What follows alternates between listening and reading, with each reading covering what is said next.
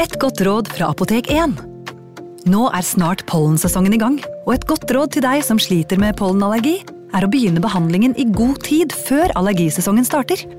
Da får du nemlig enda bedre effekt av legemidlene, og så blir ikke våren din helt ødelagt. Kom innom og få råd på ditt nærmeste Apotek 1, eller chat med oss på apotek1.no. Apotek 1 vår kunnskap, din trygghet. Kom og spis! Kjøkkensjefen har middagen ferdig. Vi kommer! Vi skal bare Åh, det er da så morsomt her på Stiklestad! Ja, men sjøl en god viking må ha både mat og hvile. Og dessuten kan dere nå være noen dager. Velkommen til Scandic Stiklestad. Moderne fasiliteter i historiske omgivelser. Det var her det skjedde. Det er her det skjer.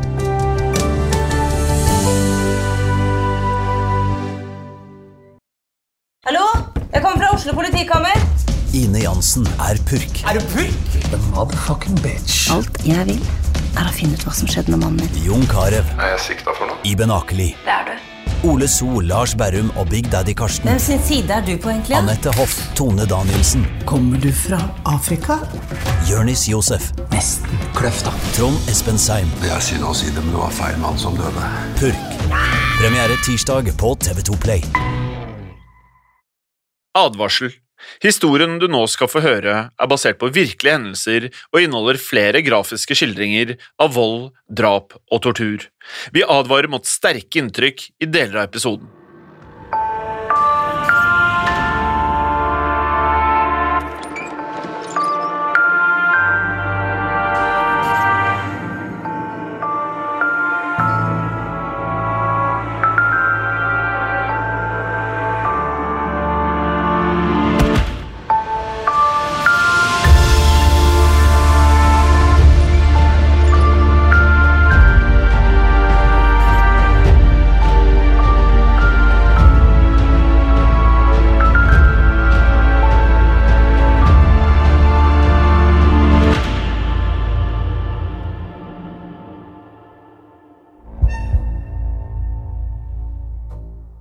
Naboene til Russell Tillis hadde lenge klaget over merkelige lyder fra huset hans.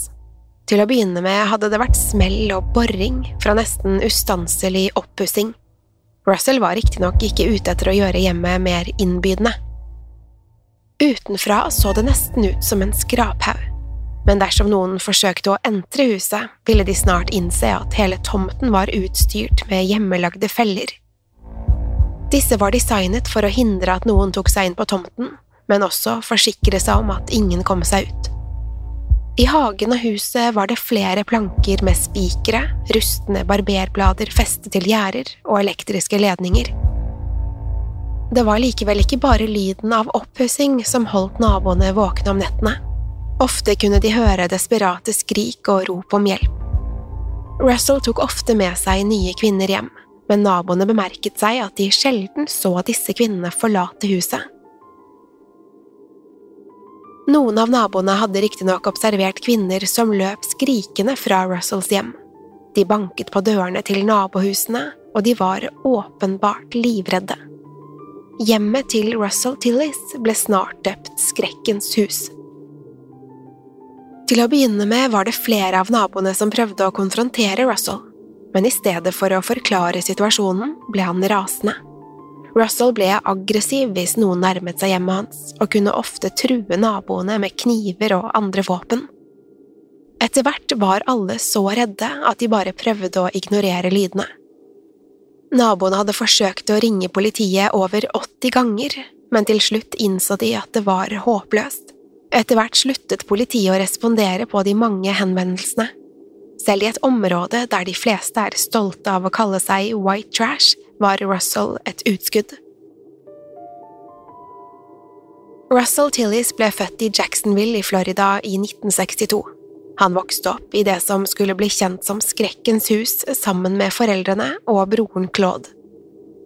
Faren deres var en voldelig alkoholiker som ofte mishandlet og forgrep seg på moren.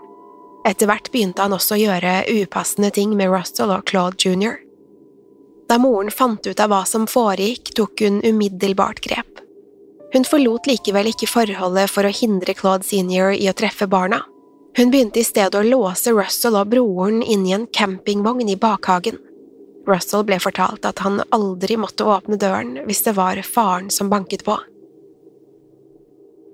Det var en vanskelig og traumatisk oppvekst, og Russell ble stadig mer utagerende i tenårene.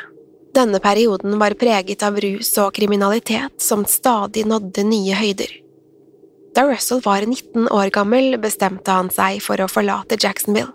Han endte opp i California, og her møtte han 16 år gamle Shannon Brinkley. Det tok ikke lang tid før Shannon ble gravid. Russell lovet at han hadde lagt både kriminalitet og rus bak seg, men snart fant Shannon ut at Russell ikke var til å stole på. Russell hadde nemlig begynt å fremstille, selge og ruse seg på metamfetamin. Shannon innså med dette at Russell aldri kom til å forandre seg. Hun ville ikke at sønnen skulle vokse opp med en kriminell far. Shannon tok derfor med seg sønnen og forlot Russell en gang for alle.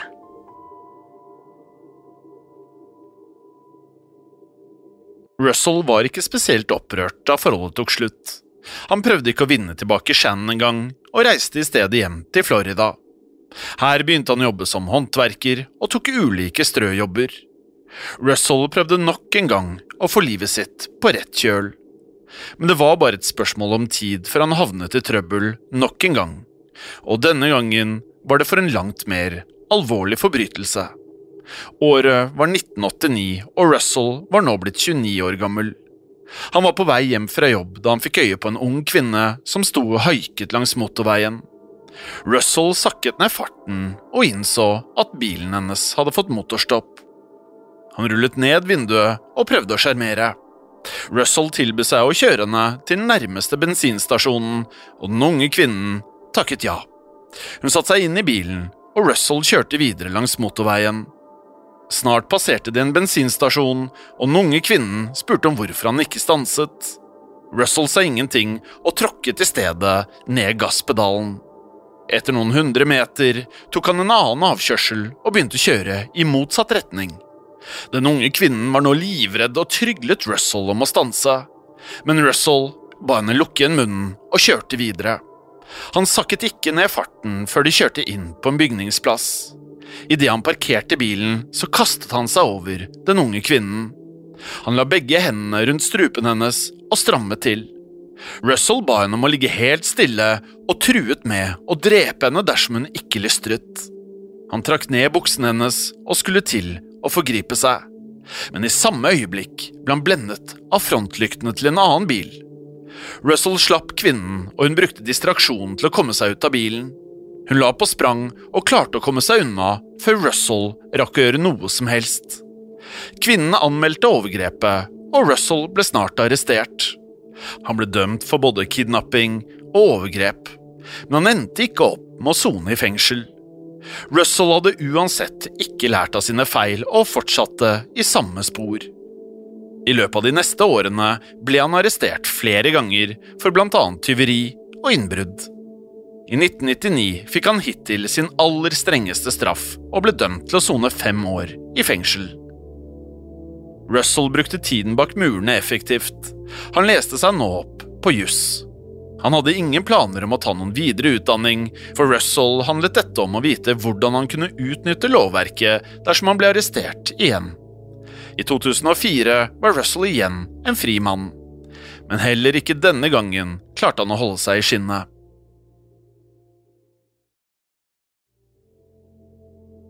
Det var mars 2006.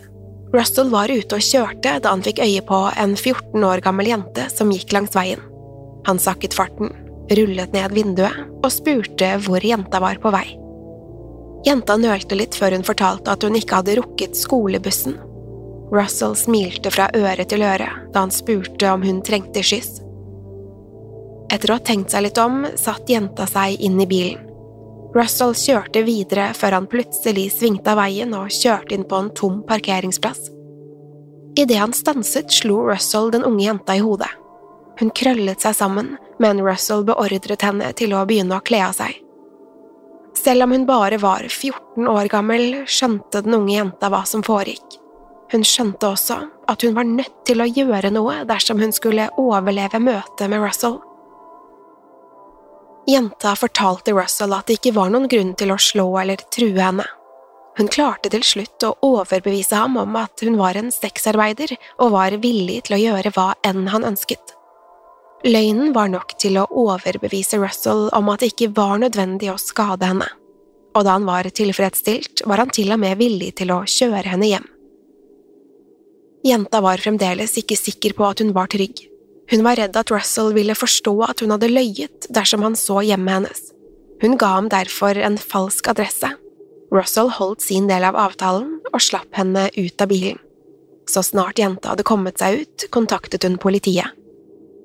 Russell hadde ikke oppgitt navnet sitt, men jenta ga en detaljert beskrivelse av utseendet hans. Politiet laget en fantomtegning og hadde i tillegg Russells DNA. Likevel skulle det ta nesten to år før de arresterte Russell. Da han omsider ble kalt inn til avhør, ga Russell en helt annen forklaring. Han innrømmet at han ofte hadde betalt for sex, og hevdet at han hadde trodd at jenta var prostituert hele tiden. Russell antydet at han heller ikke visste at hun var under seksuell lavalder. Russell ble dømt for bortføring og seksuelt overgrep, og tilbrakte de neste fire årene i fengsel. Han slapp ut i 2012 og flyttet tilbake til barndomshjemmet. Han begynte å gjøre en rekke oppgraderinger på det som snart skulle bli kjent som Skrekkens hus. Det tok ikke lang tid før naboene begynte å klage over all støyen fra denne oppussingen. Men enda mer forstyrrende var det at de stadig kunne høre desperate skrik fra huset. Russell prøvde heller ikke å berolige naboene.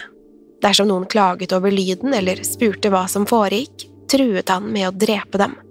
Naboene fikk heller ikke noe hjelp av politiet, og dermed fikk Russell fortsette som han selv ønsket.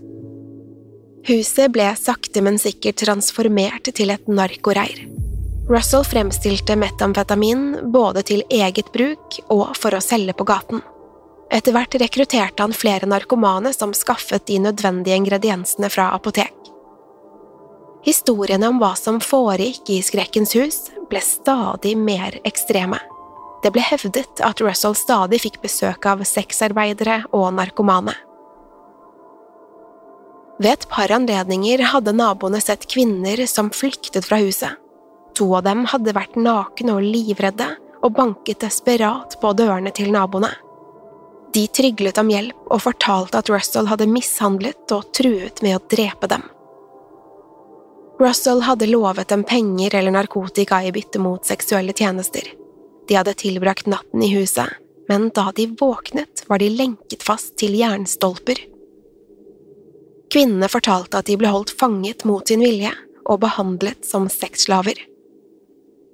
Til tross for disse ekstreme historiene fikk ikke dette noen umiddelbare konsekvenser. Russell fikk gjøre akkurat hva han ønsket, uten at politiet stilte noen spørsmål. Det var først da en av naboene fikk innvilget et besøksforbud mot Russell at politiet var nødt til å handle. Russell klarte nemlig ikke å holde seg unna naboene, og fortsatte å plage og true hele nabolaget. Den 28. mai 2015 ble Russell arrestert for siste gang. Ikke for mistanker om kidnapping, narkotikasalg eller tortur, men for brudd på besøkelsesforbudet. Arrestasjonen skulle riktignok by på en rekke utfordringer. Alle fellene på tomten gjorde det vanskelig for politiet å entre huset. En av politibetjentene tråkket rett på en spikermatte idet han satte foten i gresset. En annen kuttet seg på en av de rustne barberbladene. Politiet endte opp med å måtte lokke Russell ut av huset ved å kaste stein på taket hans. De gjemte seg i buskene og håpet at Russell skulle komme ut for å undersøke hva som foregikk. Planen fungerte, men da politibetjentene hoppet ut av buskene, la Russell på sprang. Omstendighetene rundt arrestasjonen har vært omdiskuterte. Politiet mente at Russell var bevæpnet med to kniver, og at han hadde truet dem. Russell derimot hevdet at han ikke visste at det var politimenn, og at han ble skremt da de plutselig gikk til angrep. Resultatet var uansett at Russell ble lagt i bakken og arrestert. Han ble siktet for en rekke ulike lovbrudd og risikerte å bli dømt til 30 års fengsel.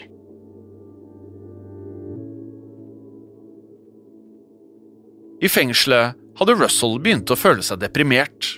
Han fryktet nå at han kom til å tilbringe resten av livet i fengsel, og ville heller finne en annen utvei. Russell fikk smuglet inn en dose med reseptbelagte piller og prøvde å ta en overdose. Men Russell skulle overleve dette selvmordsforsøket. Deretter begynte han å legge en ny plan for hvordan han skulle dø. Russell hadde riktignok ikke tenkt til å gjøre dette selv. Han begynte i stedet å snakke med en annen innsatt som het Sammy Evans. Russell planla nå å tilstå et drap som var så grusomt at han ville bli dømt til døden. Han fortalte så Sammy at de kanskje kunne hjelpe hverandre. Planen var at Sammy skulle ta kontakt med etterforskerne og videreformidle alt Russell hadde sagt. Deretter skulle Russell tilstå flere drap, mens Sammy var iført avlyttingsutstyr. På denne måten kunne Sammy sikre seg en redusert fengselsstraff, mens Russell ville bli dømt til døden. Russell var nå en selverklært ekspert på alt som handlet om juss. Han visste derfor at det ikke var nok å tilstå et drap. Han var nødt til å dikte opp en helt spesiell og uvanlig sadistisk historie. Russell ga derfor Sammy en rekke spesifikke instrukser. Første del av planen var å skrive et brev. Her skulle Sammy fortelle at Russell hadde tilstått et tidligere uoppklart drap. Planen så ut til å fungere, og Sammy ble snart kontaktet av etterforskerne.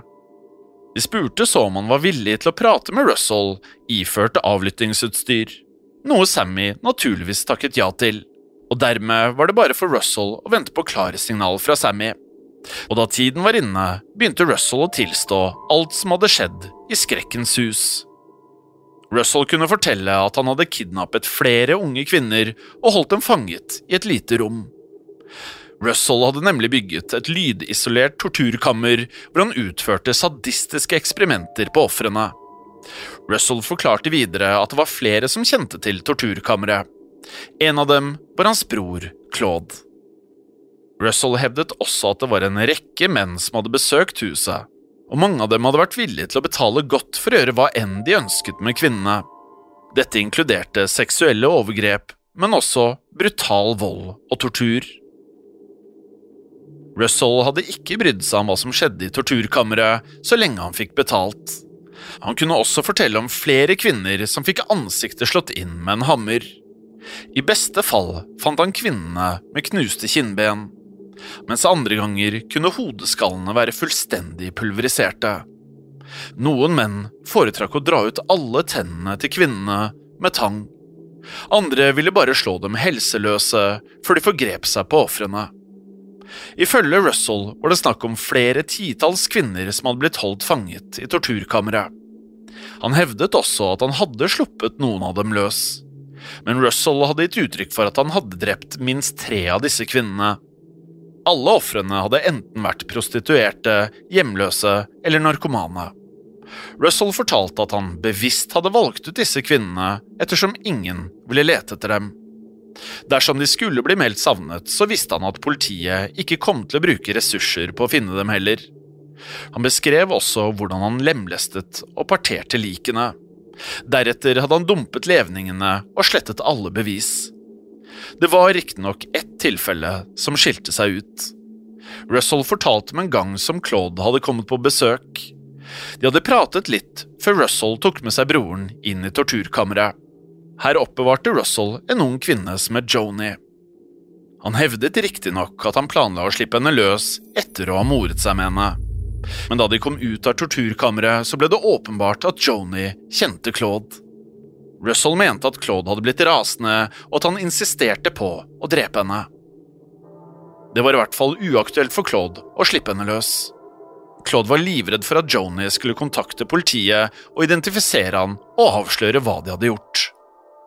Brødrene diskuterte hva de skulle gjøre, og Russell gikk til slutt med på å drepe Joni. Russell hevdet at de gjorde kort prosess av selve drapet. Han mente at han slo Joni i hodet med en stump gjenstand, og i neste øyeblikk så lå hun livløs på gulvet.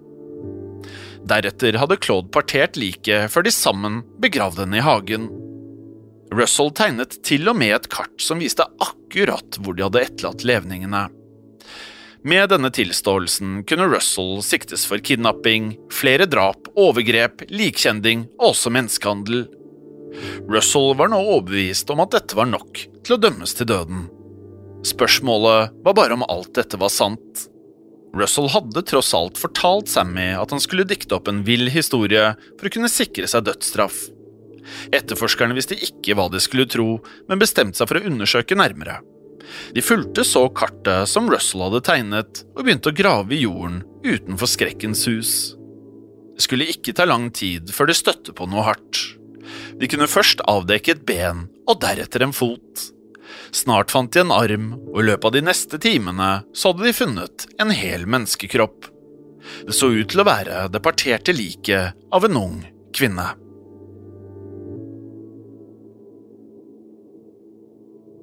DNA-testene avslørte at dette var levningene etter Joni Lynn Gunter.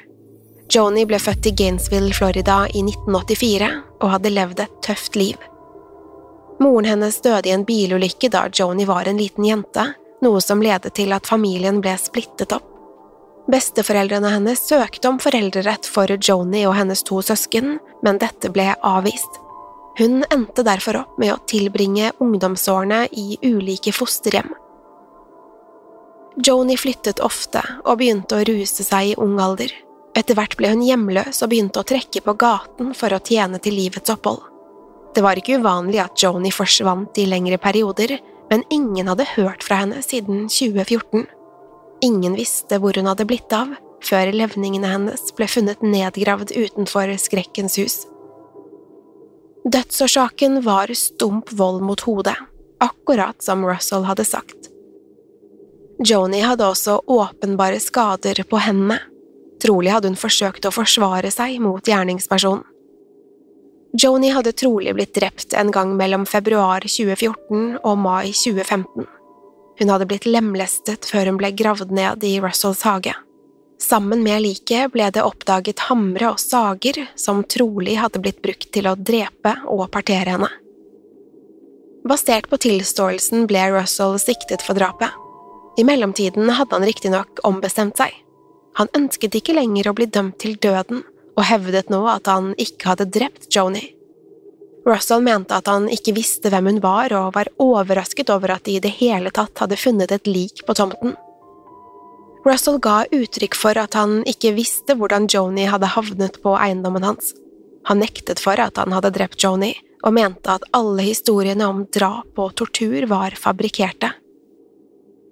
I tiden som fulgte, skulle Russell endre forklaring flere ganger. Han skulle blant annet hevde at det var Claude som hadde drept Johnny. Russell skulle riktignok innrømme at det var han selv som hadde partert liket. Russell påsto nå at broren hadde dukket opp en dag med Joni i bagasjerommet på bilen.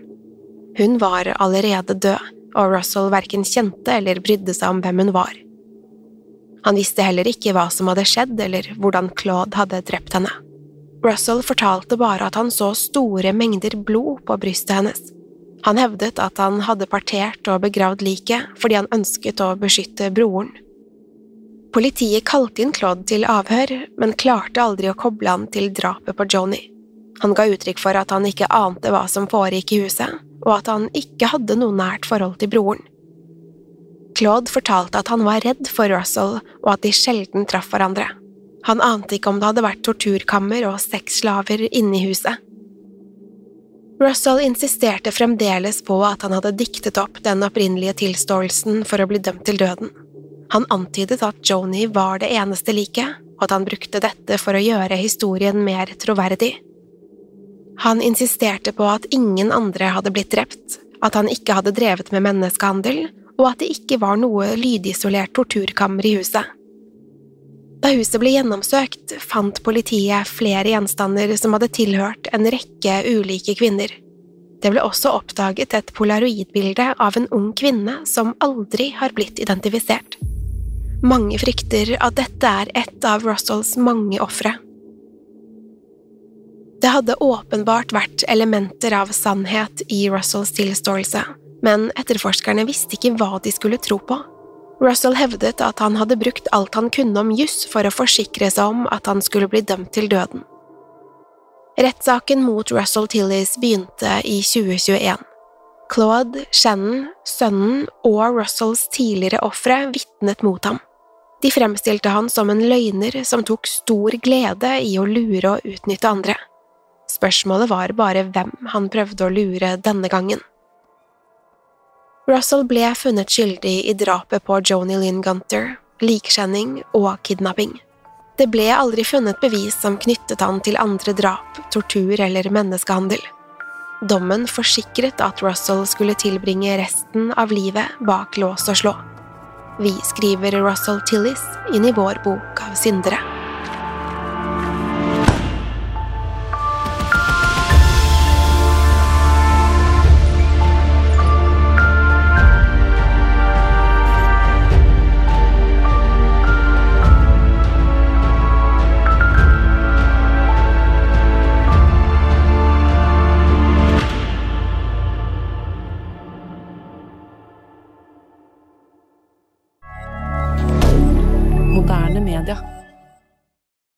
Har du et enkeltpersonforetak eller en liten bedrift? Da er du sikkert lei av å høre meg snakke om hvor enkelt det er med kvitteringer og bilag i fiken, så vi eh, gir oss her, vi. Fordi vi liker enkelt. Fiken superenkelt regnskap. Kiwi er billigst i VGs matbørs og har vært billigst i fire av de fem siste VGs matbørser. Og nå presser vi prisene på frukt og grønnsaker. På 200 gram broccolini setter vi prisen til 24,90. På 400 gram Cevita blåbær setter vi prisen til 49,90. Og husk, alle Kiwi Pluss-kunder får i tillegg 15% trumfbonus på all fersk frukt og grønt. For det er vi som er prispresserne. Og vi i Kiwi gir oss aldri på pris.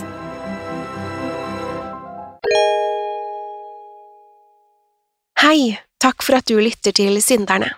Skulle du ønske at du kunne høre en ny episode av denne podkasten hver eneste uke? Vel, da er det bare å laste ned podkastappen Untold med en gang. I tillegg til ukentlige episoder av podkaster som Skrekkpodden, True Crime-podden og Henrettelsespodden får du masse annet reklamefritt og eksklusivt innhold. Last ned Untold i AppStore eller Google Play, og start din 30 dagers prøveperiode i dag.